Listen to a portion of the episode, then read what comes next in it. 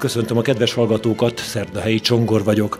Karácsony és szilveszter között Taposaréti Kolostorban beszélgetünk Várnai Jakab Ferences szerzetessel, aki Jeruzsálemből, a Szentföldről haza látogatott néhány napra. Az ottani szolgálata már egy jó pár éve tart. Jakab atya volt teológiai tanár, provinciális, a római kurián a Ferences generalícia munkatársa, és most a Szentföldön teljesít szolgálatot. Mi a sajátossága egy Ferences számára ennek a szentföldi szolgálatnak, kedves Jakabatja, most már otthonosan mozogsz a Szentföldön?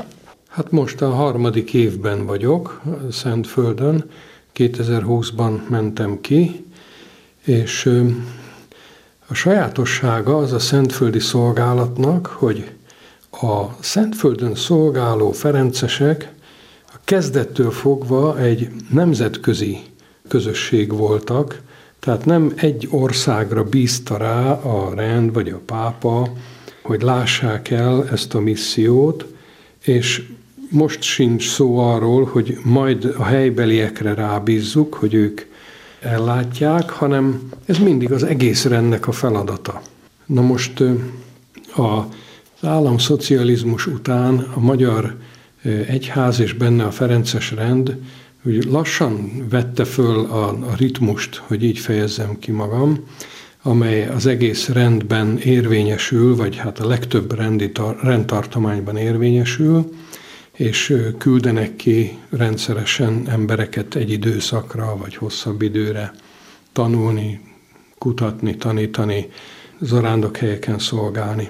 Ugye Magyarországon, Magyarországról a Szentföldi Kusztódiában a Gellet Ádé testvér volt az utolsó, aki szolgált, ő Alexandriában élt, és ott halt meg. Jó pár éve a Szentföldön, Jeruzsálemben nem szolgál magyar Ferences, és hát ezt látva jelentkeztem a Szentföldi szolgálatra.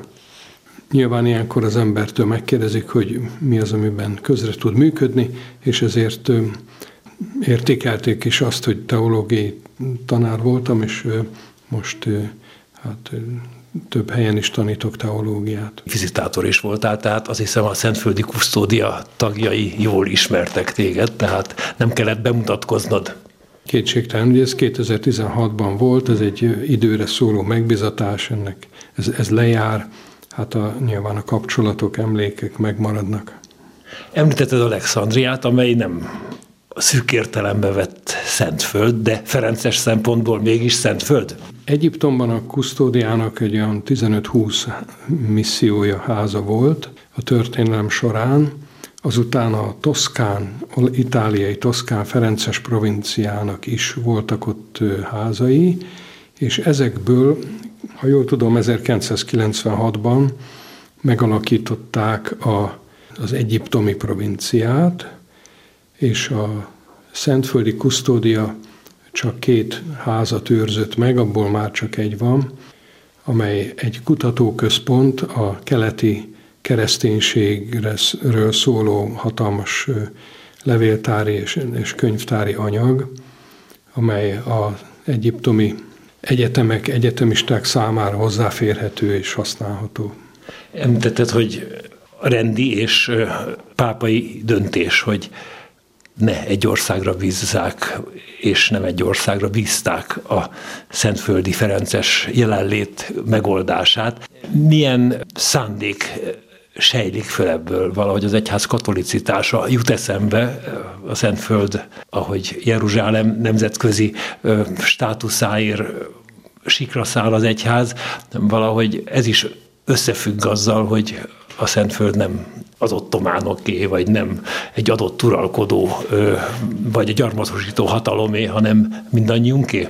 Valami ilyesmi lehet, kétségkívül nem azonosították egyetlen nációval sem. Ugye az idő, amiről beszélünk, 1342, hát ott még a Ferences misszióknak a később ismert rendje, a, az egyház nagy missziós korszakai, ugye 1600-as évek, aztán a 1800-as évek végén, hát az még úgy nem alakult ki, tehát egy elég, elég régen meglévő megoldás. Az is tény, hogy a, a nemzetköziség az egy megoldandó feladat, ezt van úgy, hogy végül is valamilyen hegemónia érvényesül, de nem hivatalosan arra a nációra bízzák rá.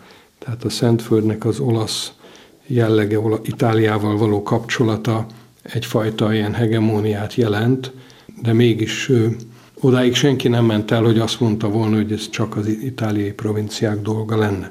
Történelmileg az olasz és a spanyol náció volt a legnépesebb, ezek közül a spanyol most már szinte teljesen kihalt, az, az olaszok még nagyobb számban vannak, és a fiatalok között is, akik belépnek Ferencesnek.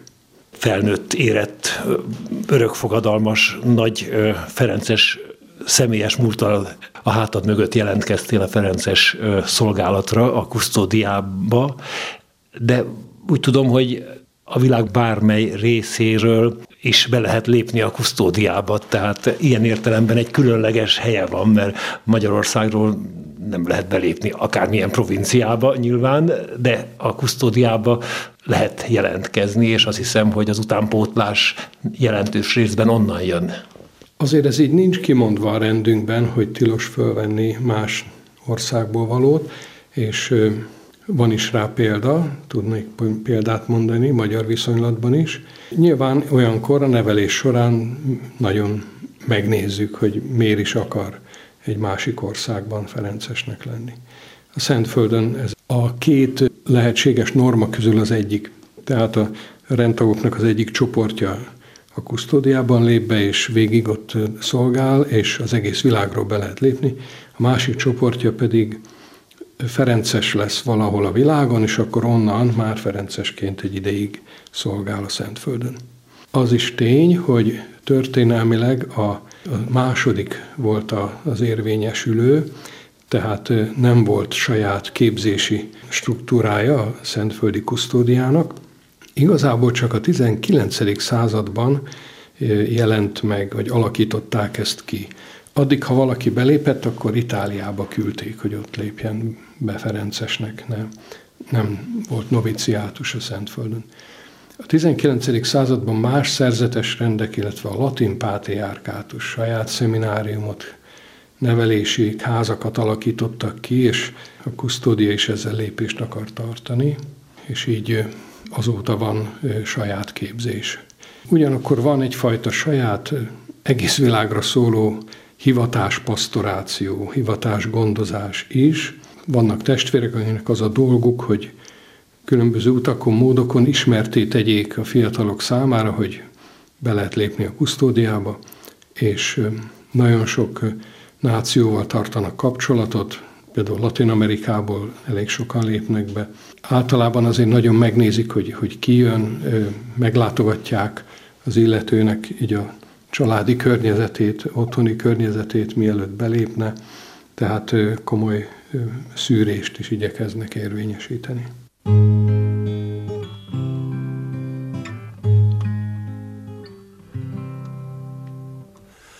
Nagy jó Úristen, ki vagy a kéklő mennyekben, bércen innen túl, igazak ajka hirdessen, testvérünk a nap, tükrözi fényet szárnyalva, nagy fennem. Áldjon fenn a hold, halobány arcú hubocskánk, s mind a csillag fény, csupa hunyorgó mécses láng, derű és ború, amiket bölcsen szétosztva küldesz ránk. Áldjon len a víz, csupa szívnénénk hasznos szép, áldjon tűz öcsénk, ködöd és árnyat oszlat szét, áldjon föld anyán, elibénk tárva garmada bőségét.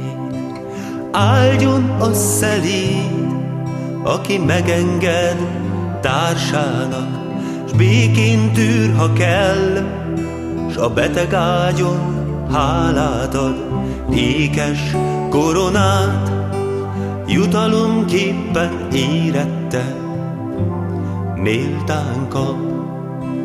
Áldjon a halál, kapukat táró testvérünk, karja föl segít, amikor hozzád megtérünk, téged fennvaló, gyermeki szívvel ámulva dicsérünk. Téged fennvaló, gyermeki szívvel ámulva dicsérünk. Dicsérünk.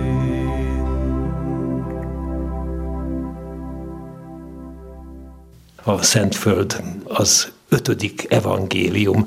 Hogyan kell ezt érteni, és hogyan kapcsolódik a Ferences szolgálat ehhez az ötödik evangéliumhoz? Nagyon sok ötödik evangélium, meg ötödik evangélista van. Én Johann Sebastian Bachot is hallottam már ötödik evangélistaként emlegetni. Valóban, hála Istennek, van sok olyan közvetítés, amely segíti a négy evangéliumnak, a Krisztusi üzenetnek a jobb megértését ha elmegyünk egy eseménynek a színhelyére, akkor azt az eseményt könnyebben megértjük. Ilyen egyszerű az egész.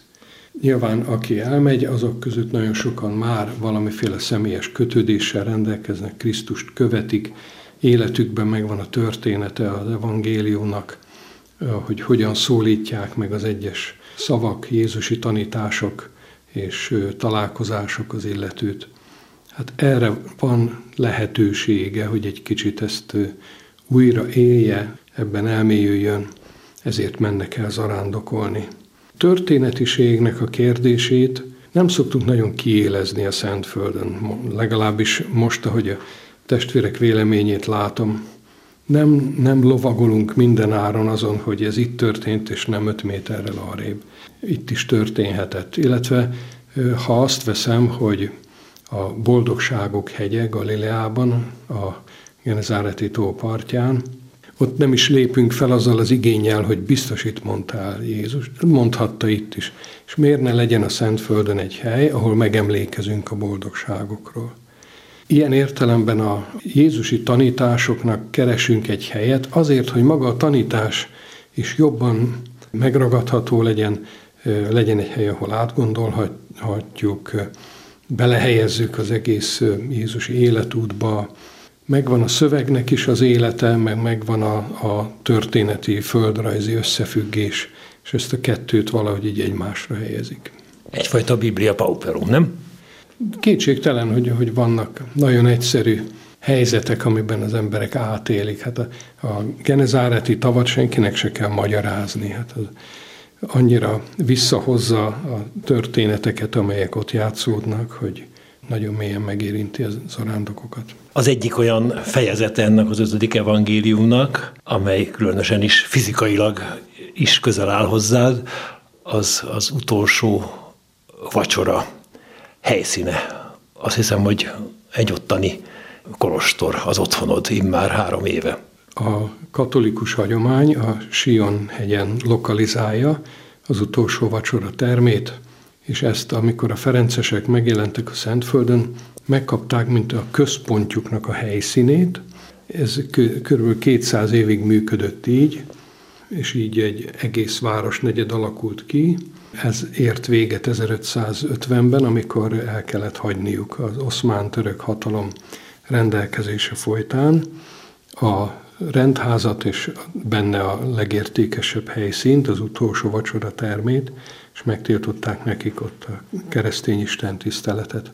A Ferencesek mindig is szerettek volna visszamenni oda. Ez 1936-ban, hát mondjuk így, 30 méter hiány sikerült is, mert a cenákolumtól 30 méter egy telket sikerült megszerezni, és a rajta lévő arab házakból kialakítottak kápolnát és lakhelyt a ferencesek számára. Tehát nem a maga a cenákulum tartozik a ferencesekhez, hanem egy, ahhoz egy nagyon közeli misézőhely. És mivel ez katolikus csoportok számára misézőhely, ezért igazából zárva van. Nem vagyunk úgy nyitva, mint ahogy a Szent Sír bazilikába bárki besétálhat nagyjából egész nap. Nálunk előjegyzés alapján jönnek a csoportok, és egy kicsit a, az a nyugalom, amit mi tudunk biztosítani, hogy nem vagyunk átjáróház, az úgy hozzátartozik ahhoz, amit tudunk nyújtani a számunkra, amit megteremtünk, mint környezetet az imádságukhoz. És ezt mindig nagyon értékelik. Körülöttünk nagy a zsibvásár, bejönnek az ajtón, és föllélegeznek. Egy ápolt kert, és akkor ott a kápolnában nyugodtan tudnak imádkozni. Talán második János Pálhoz köthető, de lehet, hogy valamelyik latin pátriárka mondhatta az idők folyamán, hogy nagyon fontos, hogy ne váljék pusztán múzeummá a Szentföld, hanem eleven élő kereszténység legyen jelen a Szentföldön. Jézus korától fogva vannak jelen keresztények, de sajnos nagyon fogyó számban. Mit tapasztalsz, hol tart ez a folyamat? Mivel nem dolgozok plébánián, nincs közvetlen kapcsolatom, és csak mások megjegyzéseiből sejtem, hogy ez folyamatos az elvándorlás, ugyanakkor a kusztódiának is folyamatos az elkötelezettsége, hogy munkahelyeket teremtsen, lakhatást, tehát lak, lakásokat biztosítson. Jeruzsálem keresztény negyedében 400 házat renovált a kusztódia az utóbbi tíz évben, azért, hogy ott keresztények lakhassanak. Természetesen a, a latin keresztények mellett a görögökre is vonatkozik, görög ortodox hívőkre, hiszen ők még nagyobb számban vannak jelen, illetve északon, Galileában a görög katolikus hívek is nagyobb számban vannak, mint a latinok. Sajnos az arab nemzetiség nem, nem a latin kereszténysége miatt megy el, hanem a, a arab nemzetisége miatt a adott helyen és adott politikai viszonyok között ránehezedő nyomás miatt. Említettük a cenákulumi tapasztalataidat a Covid nagyon betett a zarándoklatoknak. Hogy látod, visszatért az a zarándok érdeklődés és létszám, mint a, mint a korábbi évek, a Covid előtti éveket jellemezte? Nagyjából visszatért. Március, április, május még ilyen tapogatózó, az első bátor csoportok jöttek még csak el. Talán méltányos megemlíteni, hogy a spanyol nyelvű, latinamerikai, meg USA-ból származó, de közép-amerikai hátterű és spanyol nyelvű csoportok voltak az elsők, akik legnagyobb számba jöttek. De most már minden nációból rendszeresen jönnek, és valóban a november már olyan volt, ami szinte legalábbis a mi időbeosztásunkat illetően, ahogy szentmisékre időpontokat tudunk biztosítani, majdnem teljes kihasználtságot jelentett magyar csoportok bekopognak-e hozzád olykor? Sajnos úgy látom, hogy elég kis számba jönnek magyar csoportok, kevés az arándok, vagy pedig kevésbé ismert az a tény, hogy a cenákulum mellett van egy kápolna, ahol lehet misézni. Nagyon örülök azoknak, akik jöttek, nagy örömet okoztak, és várom, hogy még nagyobb számban használják ki ezt a lehetőséget. Nagyon szép volt novemberben Erdő Péter Biboros úrnak a látogatása, aki az egyházmegye papjaival járta végig a szent helyeket. Reméljük, hogy ez is bátorítja a zarándoklatokat. A ti rendházatok az hány Ferencesből áll, és milyen összetételű, honnan vagytok? A Szentföldi Kusztódiában 2022. júliusában volt káptalan, ez három évenként van, és utána egy hónappal, augusztusban volt a, a helyezések összeállítása, és ez érintette a mi közösségünket is.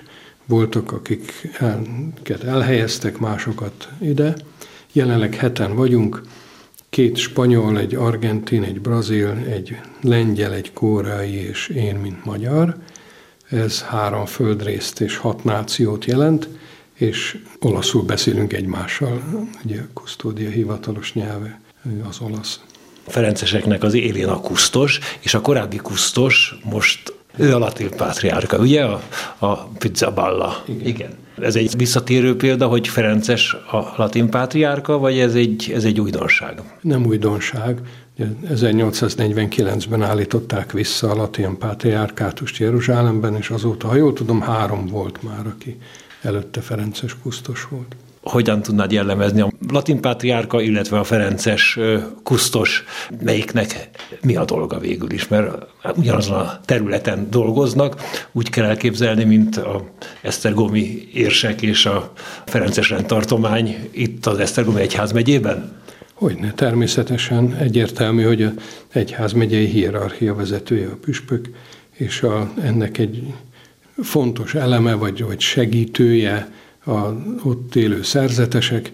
Nyilván az arányok mások, hiszen a évszázadok óta a ferencesek jelenléte nagyon erősé tette őket, tehát több helyük is van.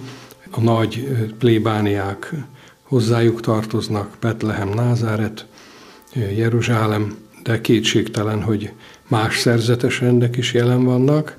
Létezik szerzetesi elöljárói konferencia, férfi-női szerzetes rendek jelen vannak, tehát nincs hegemóniája vagy, vagy kizárólagossági privilégiuma a ferenceseknek a Szentföldön.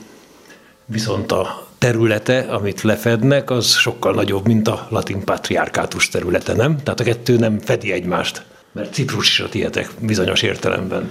Meg Alexandriában is Ciprus, ott vagytok. Ja, Ciprus része a latin pátriárkátusnak. Uh-huh. És a szíriai részek is, ahol Szíriai, vannak fel? Nem, ott más, van helyi püspök.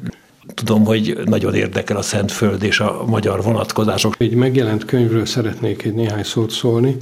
Egy magyar Ferencesnek a könyvét Szentföldön kiadták spanyolul. Ez egy nagyon érdekes történet, hiszen 1935-ben ment ki egy Juhász Vince nevű Ferences a Mariana provinciából, és ő két szakaszban összesen hat évet töltött el Betlehemben, és ez alatt az akkori világítási körülmények között dicséretes módon létrára állva az összes oszlopnak, és hát itt négy hosszú oszlopsorról van szó, az oszlopoknak a festményeit és a középkorra visszanyúló bevéséseit, firkáit gyűjtötte össze, és egy monográfiát állított össze.